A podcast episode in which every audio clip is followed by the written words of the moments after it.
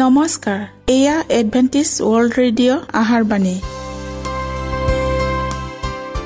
ষোল্ল মিটাৰ বেণ্ডত সোতৰ হাজাৰ আঠশ দহ কিলো হজত এডভেণ্টিছ ৱৰ্ল্ড ৰেডিঅ' যোগে অসমীয়া ভাষাত প্ৰচাৰিত আহাৰবাণী প্ৰত্যেক বুধবাৰ আৰু দেওবাৰ সন্ধিয়া সাত বজাত আহাৰবাণী শুনাৰ পিছত আপোনালোকৰ কিবা মন্তব্য আৰু প্ৰশ্ন থাকিলে আমালৈ এই ঠিকনাত লিখক। আমাৰ ঠিকনাটি হৈছে Adventist world radio' seven day Adventist মণ্ডলী অসম শাখা লতাকাটা বশিষ্ট গুৱাহাটী সাত আঠ এক শূন্য দুই ন।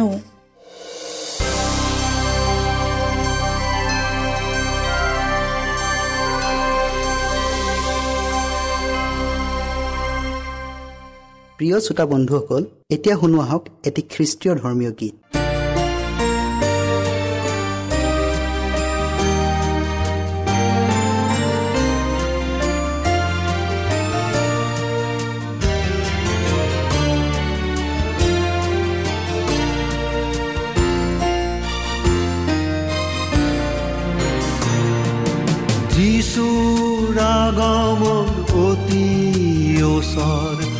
পৃথিৱী কলুষিত।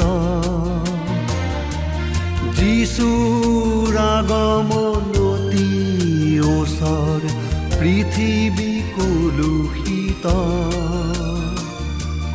পাপৰ বোজাত ক্লান্ত আমি চাপি আহা যিচুলৈ পাপৰ বোজাত ক্লান্ত আমি চাপি আহা যিচুলৈ যিচুৰ আগমনতি ওচৰ পৃথিৱী কলুষিত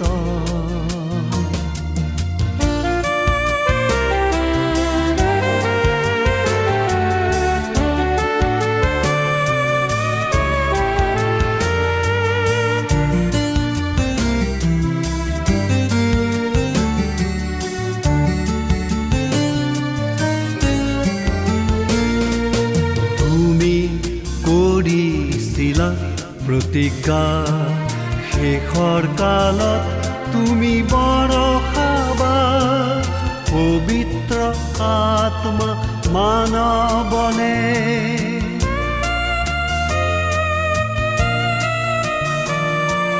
তুমি কৰিছিলা প্ৰতিজ্ঞা শেষৰ কালত তুমি বৰষাবা পবিত্ৰ আত্মা মানৱলে প্ৰভুৰে আগমন। সূৰ্য আন্ধাৰ হ'ব চন্দ্ৰ হ'ব যেতে।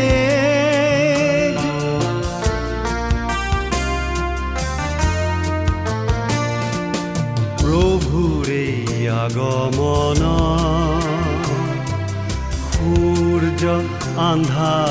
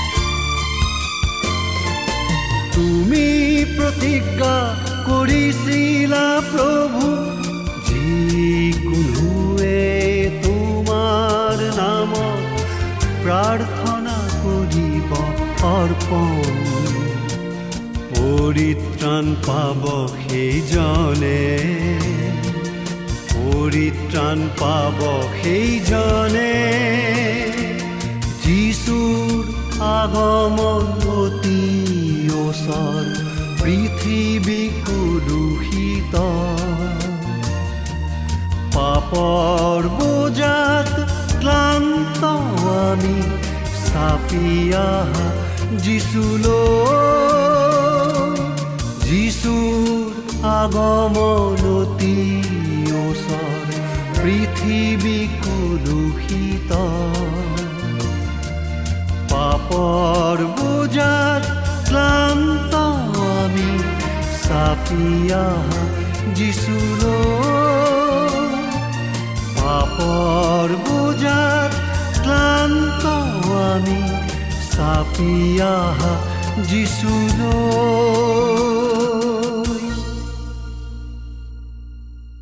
প্ৰিয় শ্ৰোতা বন্ধুসকল আহক আমি খন্তেক সময় বাইবেল অধ্যয়ন কৰোঁ হওক।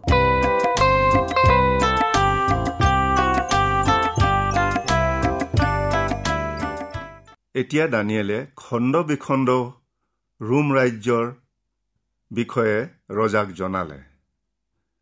আৰু ভৰিৰ দহোটা আঙুলিৰ দ্বাৰাই যে ৰোম ৰাজ্য খণ্ড বিখণ্ড হৈ গ'ল দহ ভাগত ইয়াক বুজাই ক'লে।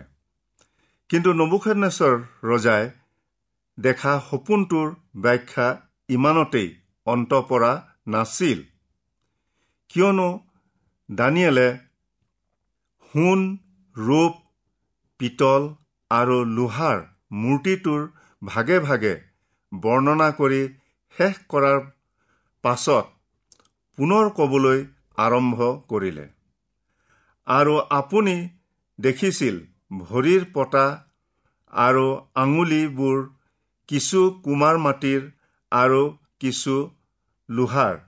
তাৰ দ্বাৰাই আপুনি জানিব লাগে যে চতুৰ্থ ৰাজ্য বিভক্ত হ'ব। কিন্তু সেই ৰাজ্যত লোহাৰ শক্তি থাকিব। কিয়নো আপুনি কুমাৰ মাটি মিহলি থকা লোহা দেখিছিল। তাৰ দ্বাৰাই জানিব লাগে যে সেই ৰাজ্যৰ লোকবিলাকৰ মাজত পৰস্পৰৰ বিবাহৰ সম্বন্ধ থাকিব।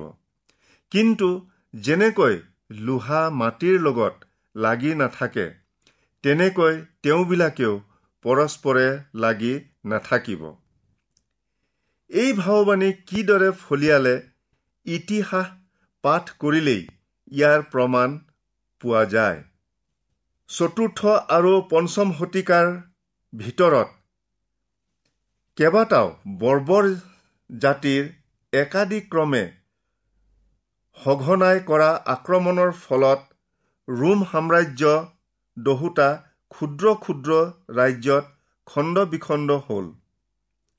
দহোটা বৰ্বৰ জাতি আছিল এইবোৰ যেনে Alemanni Franks Burgundians Suebi Visigoths Heruli Lombards Vandals Ostrogoths আৰু এংলো ছেক্সনছ ইউৰোপৰ বৰ্তমান জাতিবোৰৰ উৎপত্তি যে এইবোৰৰ পৰাই হৈছিল তাক বৰ্তমান জাতিবোৰৰ নামৰ পৰাই জনা যায়। এতিয়া মূৰ্তিটোৰ একেবাৰে তলৰ অংশ ভৰিৰ আঙুলিবোৰ ইয়াৰ তলত আৰু অন্য কোনো অংগ নাই।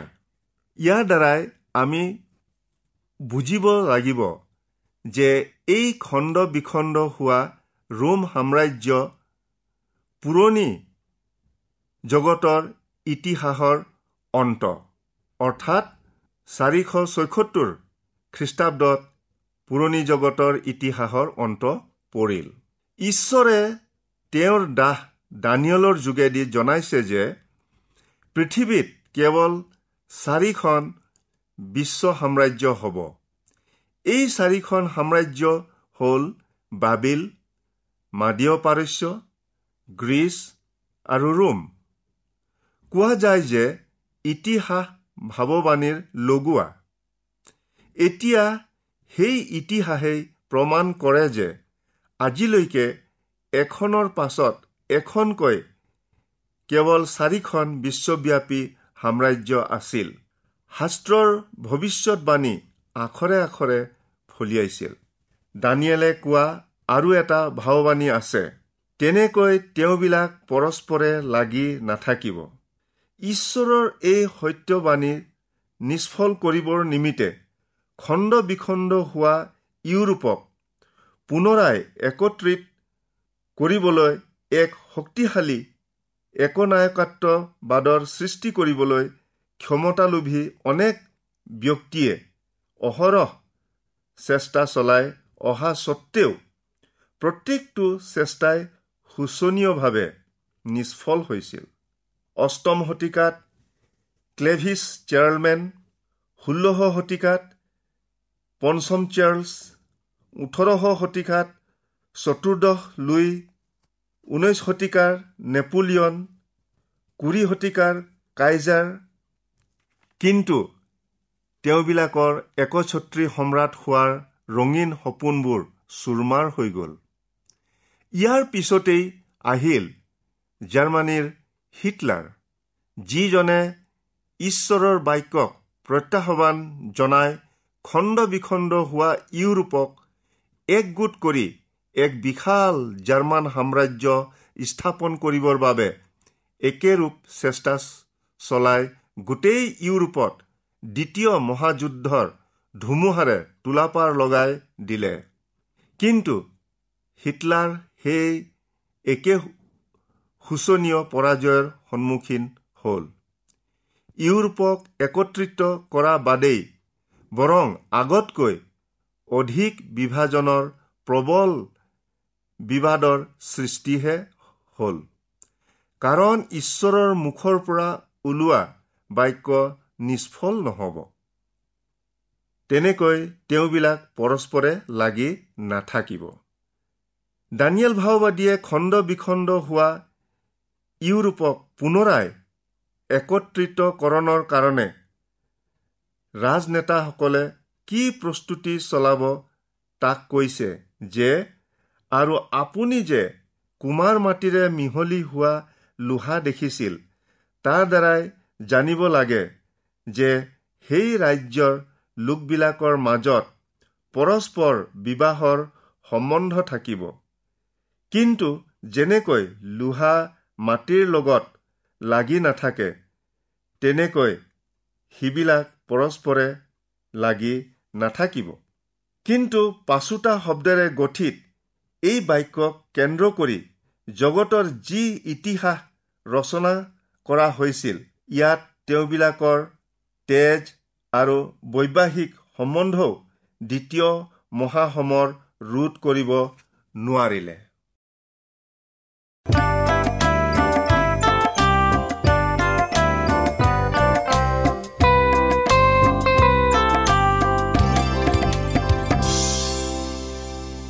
ইমানপৰে আমি বাইবেল অধ্যয়ন কৰিলোঁ। এতিয়া আকৌ শুনো আহক এটি খ্ৰীষ্টীয় ধৰ্মীয় গীত। দানিয়েলে পুনৰ আৰম্ভ কৰি ক'লে আৰু সেই ৰজাবিলাকৰ কালত স্বৰ্গৰ ঈশ্বৰে এক ৰাজ্য স্থাপন কৰিব।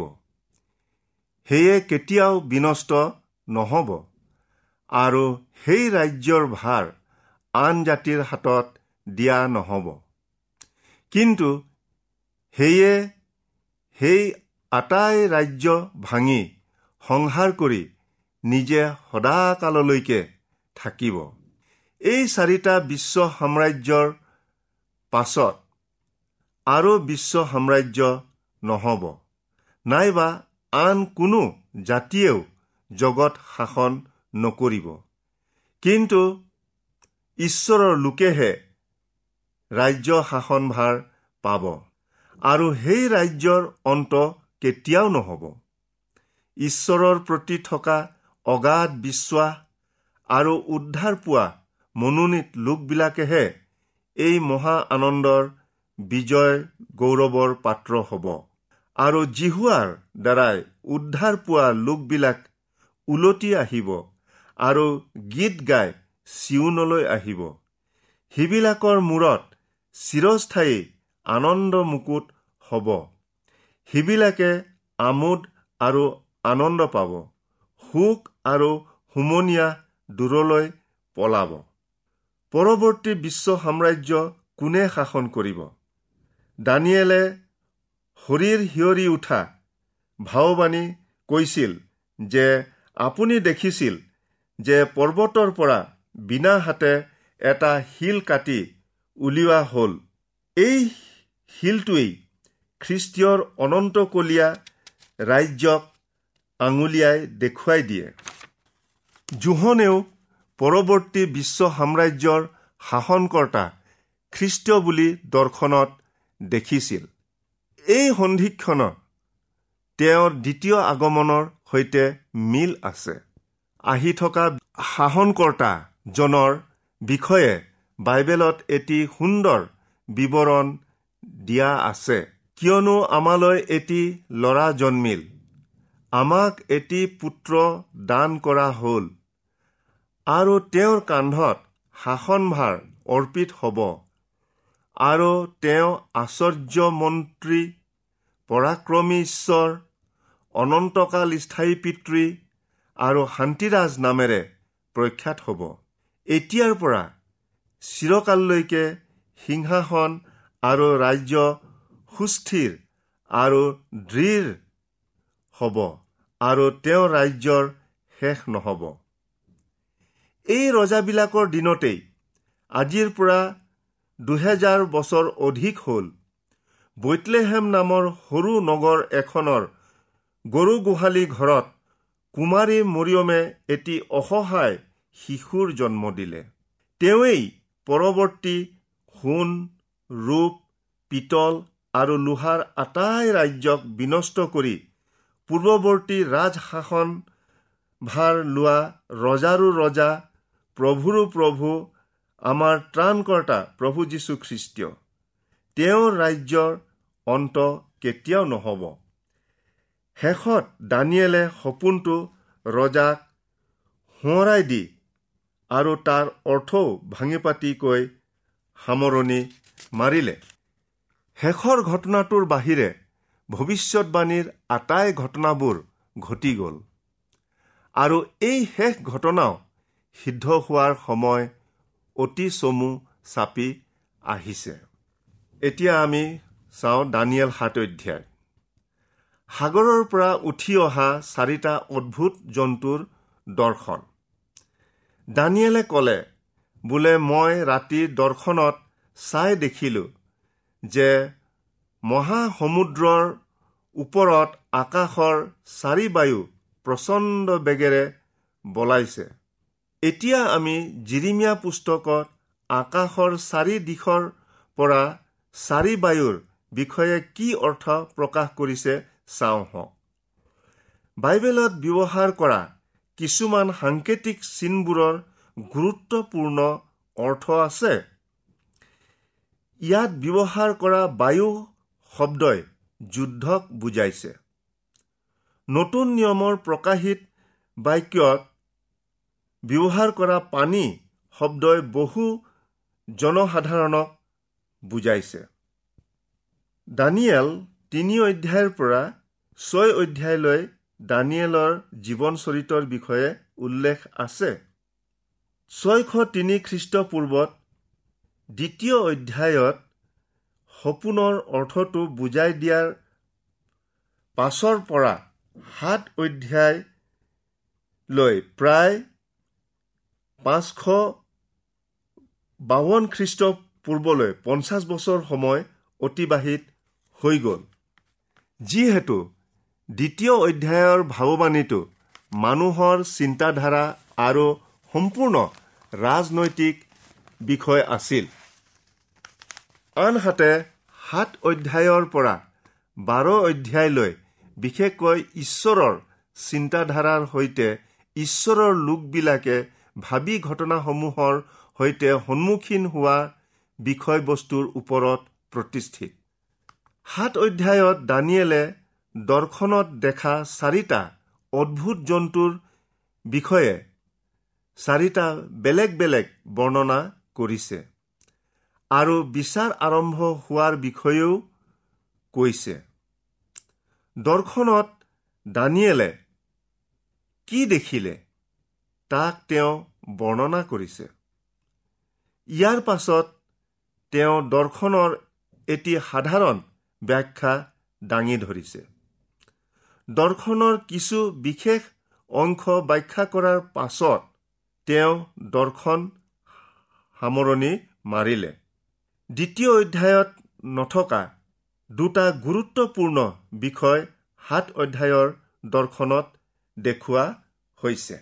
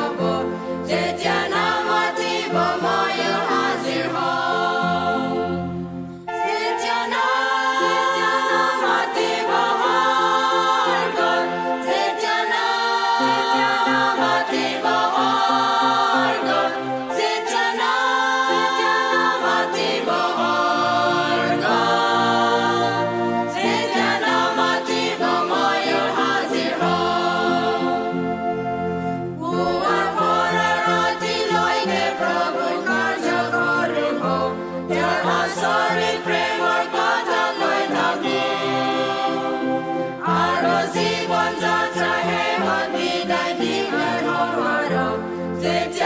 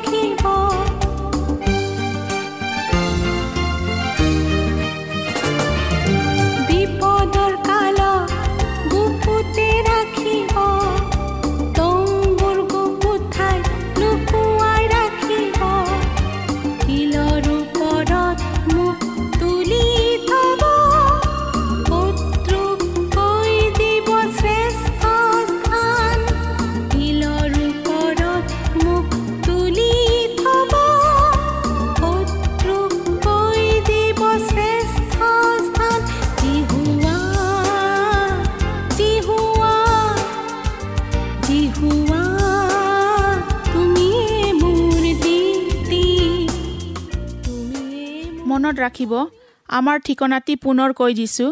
Adventist world radio' Assam region of seven day Adventist voice of hope Latakata Basistha Guwahati seven eight one zero' two nine প্ৰিয় শ্ৰোতা বন্ধুসকল এডভেণ্টিজ ৱৰ্ল্ড ৰেডিঅ' যোগে আহাৰবাণী প্ৰচাৰত আপোনালোকক পুনৰ লগ পোৱাৰ আহাৰে আজিলৈ সামৰিলোঁ। ধন্যবাদ।